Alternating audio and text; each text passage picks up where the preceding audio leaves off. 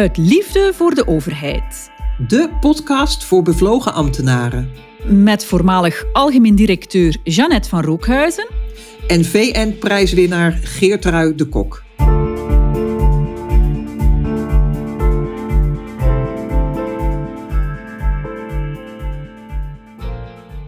Dat we van de ene crisis naar de andere gaan, dat hoeven wij jou niet meer te vertellen. We zijn net uit de coronacrisis, enfin, als je uit, uh, al kan uitnoemen. We hebben een oorlog, uh, stikstof, energieprijzen die de pan uitspringen.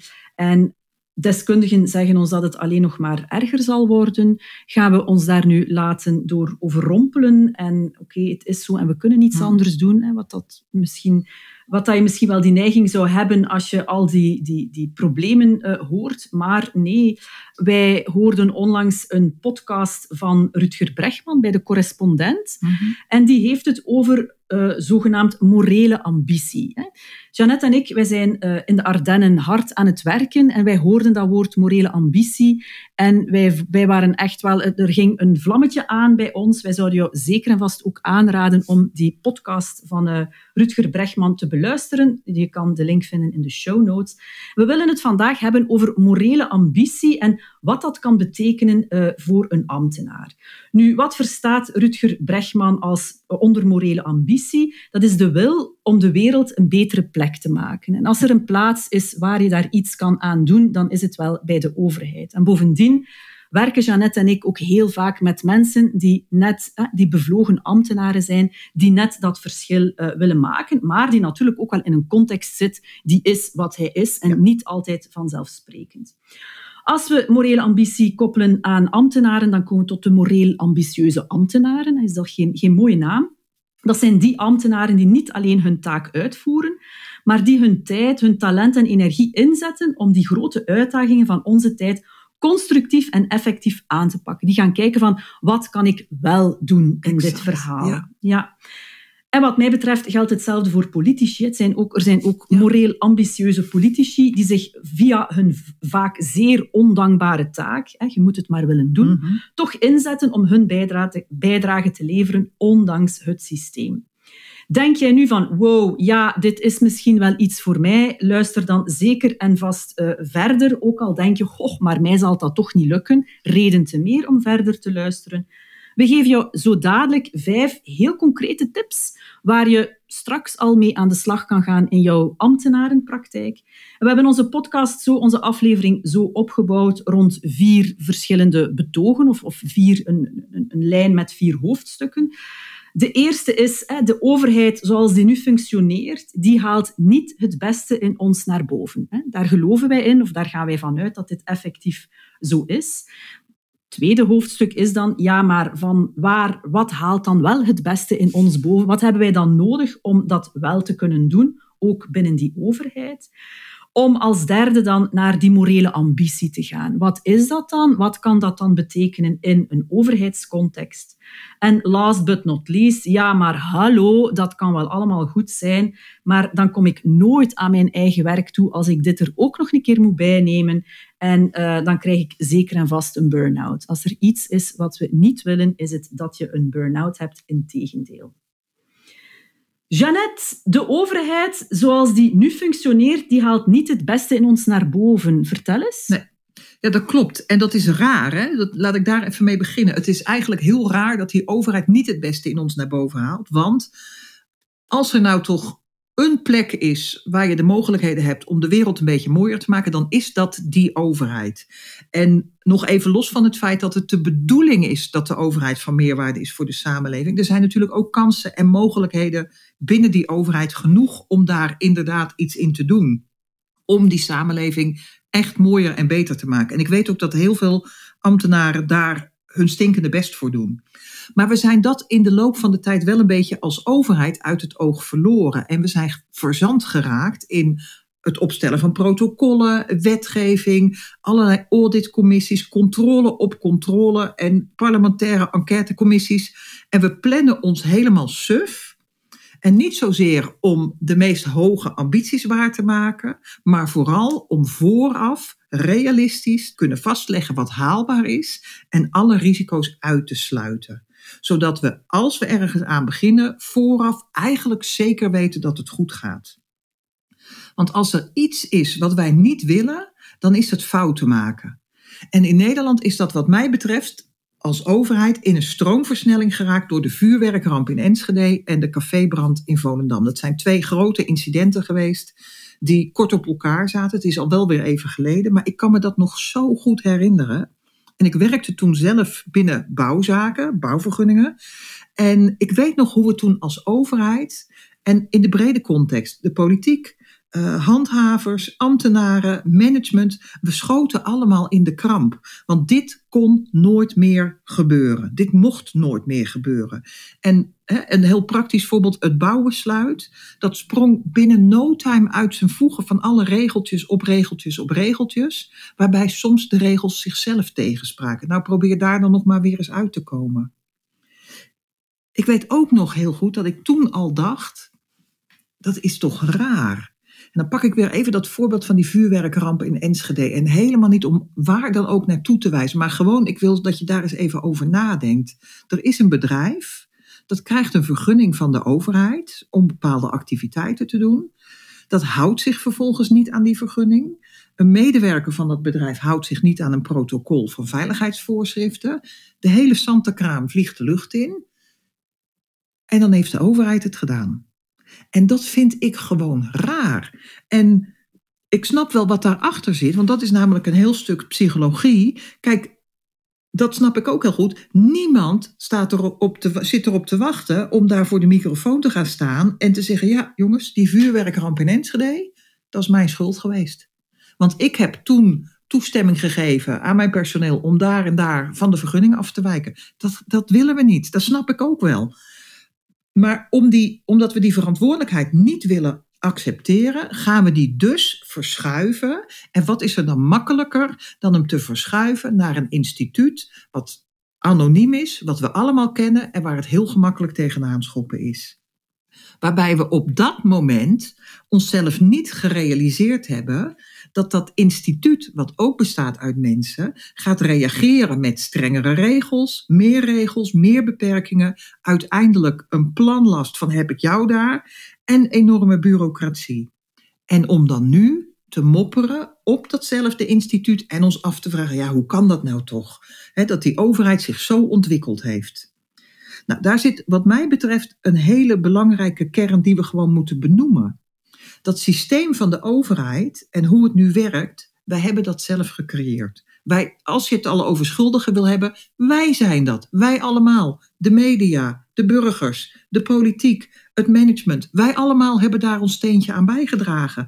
En het gaat er eigenlijk helemaal niet om wiens schuld dat is. Dat is helemaal niet zo'n interessante vraag. Want het ontstaat gewoon omdat het systeem van en door mensen gemaakt wordt en gevuld wordt. Het is zo gegroeid omdat wij mensen psychologisch zo in elkaar zitten. En dat had in elke context, in elk ander land, had het soortgelijk zich ontwikkeld zit zo, de illusie van de maakbaarheid zit daarachter. Hè? Dus als we nu goed plannen en regelen en organiseren en als we ervoor zorgen dat alles gecontroleerd wordt en uh, geboekstaafd staat, dan is alles onder controle. Zo de breed maatschappelijke problematiek rond, rond ja, die illusie van wij, we, hebben over alles controle, terwijl dat, dat natuurlijk niet zo is. Hè? Nee. En ook niet, de overheid kan het ook niet allemaal oplossen natuurlijk. Precies. En, het ga, en, en wat er ook nog achter zit is, uh, dat wil ik ook even benadrukken, dit gaat ook niet over boze intenties. Ik weet zeker dat niemand daar in Enschede gedacht heeft, weet je wat ik doe? Ik ga eens even hier die vergunning uh, omzeilen. Of ik ga me daar mhm. eens niet aan de regels houden, want dan ontploft straks de boel misschien wel. Mhm. Nee, natuurlijk niet. Daar zaten waarschijnlijk ook hele goede intenties achter op mhm. dat moment. Maar je kan niet, net zo goed als dat jij en ik niet weten waar we over tien jaar staan en hoe ons leven er dan precies uitziet.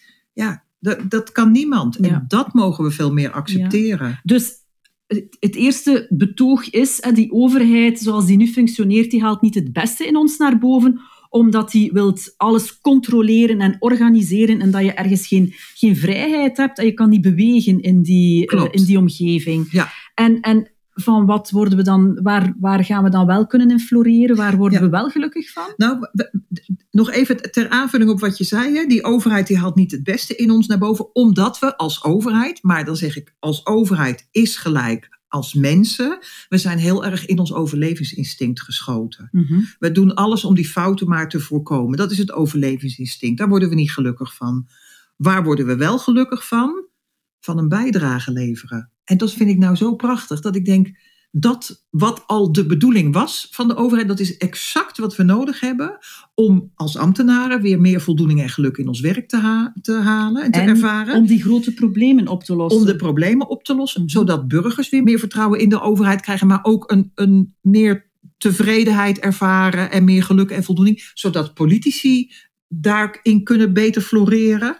En dat vind ik zo mooi, weet je, het is alleen maar win-win-win. Mhm. Er zijn geen verliezers. Dit gaat ten koste van niemand als we dit gaan inzetten. Mhm. En die oplossing, hè, dat zit dus in diezelfde psychologie van mensen. Want we hebben, ja, we hebben allemaal dat overlevingsinstinct. Daar schieten we in, daar kan je ook niks aan doen. Dat is maar goed ook dat je erin schiet. Want als je daarover na zou denken, dan ben je vaak te laat. Dus dat overlevingsinstinct, dat is er. En wat we te doen hebben, is heel bewust direct daarna doorschakelen naar die behoefte om een bijdrage te leveren. Ja, en dan komen we ook heel mooi bij onze morele ambitie van Rutger Bregman. Het gaat er net over. Zijn betoog is ook van gebruik uw potentieel, durf een stap verder te gaan. Zet die morele ambitie in, omdat we die heel erg nodig hebben. Precies. En die zit heel erg bij die overheid. Die mensen kunnen niet floreren, dus laat ons daar gewoon proberen eh, iets aan te doen. Hè. Hoe kunnen we veel meer vanuit geluk en misschien vandaar ook de naam, want ik heb er toch eventjes moeite mee gehad, uit liefde voor de overheid, de naam van onze podcast. Het idee kwam, kwam van Ja. eh, Jeannette. Maar het gaat echt over, ja, diep van, van binnen voelen van daarvoor doe ik het. Hè. Ja. Dat is het, het, het waarvoor ik wil Ja. bijdragen. Daarvoor heb ik destijds gekozen om bij een Precies. overheid te werken en dat te durven weer aanspreken. Ja. Goed, dus het tweede, hè, we worden gelukkig door een bijdrage te kunnen leveren. En dan het derde deeltje, eh, en hoe werkt dat dan, die morele ambitie bij een overheid? Nou, dat gaat er dus om, inderdaad. Dat eigenlijk is het best wel eenvoudig. Dat je je als ambtenaar afvraagt: wat is jouw bijdrage die je wil leveren? En dat gaat dus niet over de positie of de status, maar iedereen die bij de overheid werkt, die kan zich afvragen: wat wil ik nou specifiek bijdragen? Dat kan zijn dat jij, als je gastvrouw of gastheer bent, dat jij ervoor zorgt dat iedereen gewoon echt met een glimlach ontvangen wordt, met respect behandeld wordt. Weet je wel, dat soort kleine. Het zit ook in de hele kleine dingetjes. Iedereen in zijn job. Iedereen in Mhm. zijn job. Mhm. Ja. En dat je dus die talenten die jij hebt en de tijd en de energie die je toch doorbrengt in die overheid, dat je die dus heel bewust sturing geeft richting die meerwaarde. Jij durft het zelfs nog straffer uitdrukken, Jeannette. Jij durft zeggen, het is ook de plicht van iedereen bij een overheid. Vertel eens. Ja. Nou, omdat, ja, dat klopt. Omdat het de, het, de, kijk, de overheid is er. De overheid is er niet om het de samenleving moeilijker te maken. Nee, de overheid is er ten diepste om al die dingen voor elkaar te krijgen die we wel nodig hebben als samenleving, maar die anders niet van de grond komen. De doelstelling van de overheid is dus om meerwaarde te leveren. Dan kan je het niet maken dat jij aan de ene kant, ja, ik kan daar heel uitgesproken in zijn. Je kan het niet maken als ambtenaar dat je aan de ene kant je hand ophoudt en je salaris iedere maand opstrijkt, om aan de andere kant niet een wezenlijke bijdrage te leveren. Maar je te, te, te laten verleiden om alleen maar de regeltjes uit te voeren en als een soort computer of robot daar te zitten en ja, nou ja, vind, hè, want dat is ook wat ik wel eens hoor natuurlijk. Ja, ik vind ook dat het eigenlijk niet kan, maar ja, het is van hoger hand bedacht. Mhm. Nee, Mhm. Je hebt daar ook een heel mooi voorbeeldje van een moeder en haar zoon. Ja, ja, ik was laatst met een eh, ambtenaar samen, had ik een gesprek met een klant. En dat voorbeeld ga ik niet helemaal uitdiepen, dat gaat even te ver. Maar in ieder geval, het komt erop neer. Die klant, een moeder, die heeft een zoontje van tien. En dat jongetje is echt, die wordt ongelooflijk benadeeld door een aantal beleidsregels. Die, die jongen heeft daar gewoon echt heel veel last van. En die moeder vertelt dat verhaal. En die ambtenaar die zegt dan, ja, ik begrijp je, maar ik ben met mijn handen gebonden. Herkenbaar. Ja. Die man kan er ook niets aan doen, toch? Nou, dat is maar de vraag. En de crux zit wat mij betreft ook, en dat is gelijk ook een, een hele concrete tip, in dat woordje maar. Want je kan ook zeggen, ja, ik begrijp je, en ik, en dan kom je bij die morele ambitie, ik vind ook dat het niet kan dat uw zoon van tien op deze manier slachtoffer is van het systeem en ik ga dit aankaarten. Dat wil niet zeggen dat jij gelijk de verantwoordelijkheid op je schouders hebt dat jij het moet oplossen, maar het minste wat je kan doen als het binnen jezelf, je eigen organisatie speelt, het minste wat je dan kan doen, is het aankaarten. Ja, maar ik ga nu Ja? eventjes, ik, ik, ik hoor je en Ja? ik ben helemaal akkoord. Ja, maar als ik dat er nu allemaal ook nog een keer moet bijdoen, als ik een keer alles wat Ja. fout loopt op mijn schouders moet dragen en moet aankaarten, Ja. ja, dan ga ik recht de burn-out in. En het tegenovergestelde is waar. Vertel. En ik ben, er- als het over burn-out gaat, ben ik ervaringsdeskundige. Ik heb er al twee achter eh, me kiezen. Ehm, je raakt niet burn-out van het leveren van een bijdrage. Je raakt burn-out van het afraken van het leveren van een bijdrage. En ja, daar zit ook een valkuil in dat je te veel verantwoordelijkheid op je schouders gaat nemen. Dus nee, je hoeft het niet helemaal op te lossen. Maar in dit voorbeeld, hè, je kan, je hebt, en je hebt altijd meer opties. Er zijn altijd meer mogelijkheden. Je kan het met de desbetreffende collega bespreken. Je kan het met jouw leidinggevende bespreken. Je kan het met zijn leidinggevende bespreken. Je kan het met de verantwoordelijke wethouder bespreken. Maar als jij aan tafel bij een klant zegt: Ik vind ook dat het niet kan, dan kan je het als ambtenaar niet maken om direct daarachteraan te zeggen: En ik kan daar niks aan doen. Dan ben je net zo tussen aanhalingstekens schuldig als degene die die regels opstelt. En nogmaals, schuldig vind ik een rotwoord. Want degene die die regels opgesteld heeft, die heeft dat ook weer vanuit een goede intentie, maar vanuit een andere invalshoek gedaan. Maar laten we nou toch gewoon even met elkaar het gesprek hierover aangaan. En laten we eerlijk zijn, zo'n gesprek, dat hoeft echt niet heel lang te duren. Mhm. Ja, oké. Dus ik hoor niet alle problemen van de wereld en van het systeem op je schouders dragen en tegelijkertijd kijken wat kan ik wel doen. Juist. Waar Ja. zitten wel eh, de mogelijkheden? Goed, hè, dus enerzijds eh, is ons betoog van de overheid, het systeem zoals het vandaag bestaat en zoals het functioneert, haalt niet het beste in ons naar boven. Eh, Wat haalt wel het beste in ons naar boven? Van een bijdrage te leveren. Als er een plaats is waar je dat kan doen, dan is het bij de overheid. Mhm. Wij zijn er ons heel goed van bewust dat dat niet, niet altijd vanzelfsprekend is, maar dat je het zeker moet doen. Ja. Hoe werkt dat, die morele ambitie? Het doen, het afbaken en kijken van wat kan ik wel doen en binnen uw talenten, uw functie, uw mogelijkheden niet alleen maar eh, kottekes afvinken van verantwoordelijkheden, maar gaan zien van waar kan ik nu vanuit mijn expertise, vanuit wat voor mij belangrijk is, in mijn job wel dingen gaan betekenen. Ja, het gaat dus En- echt om, hè, morele ambitie voor ambtenaren gaat om waar wil jij van meerwaarde zijn? Voilà, in jouw job. In jouw job, Ja. via jouw job. Ja. Ja. En dat wil niet zeggen, dat is dan het vierde luikje Juist. van wij gaan hier eh, naar een burn-out of we gaan hier alle miserie van de Nee. wereld op onze schouders dragen. Zeker niet, maar waar kan ik wel het verschil maken? Ja. Goed, wij hadden jullie een aantal heel concrete tips beloofd. Als Ja. je dit nu gehoord hebt en je denkt van, hm, oké, en wat kan ik daar nu mee? Wel, tip nummer één, Jeannette. Tip nummer één is stop met het voeden van de negatieve spiraal. Dus doe niet meer mee met het geklaag en het gemoppen. Want we weten allemaal dat het systeem niet werkt, dat het overbelast is en overgereguleerd. En dat hoef je niet te blijven bevestigen.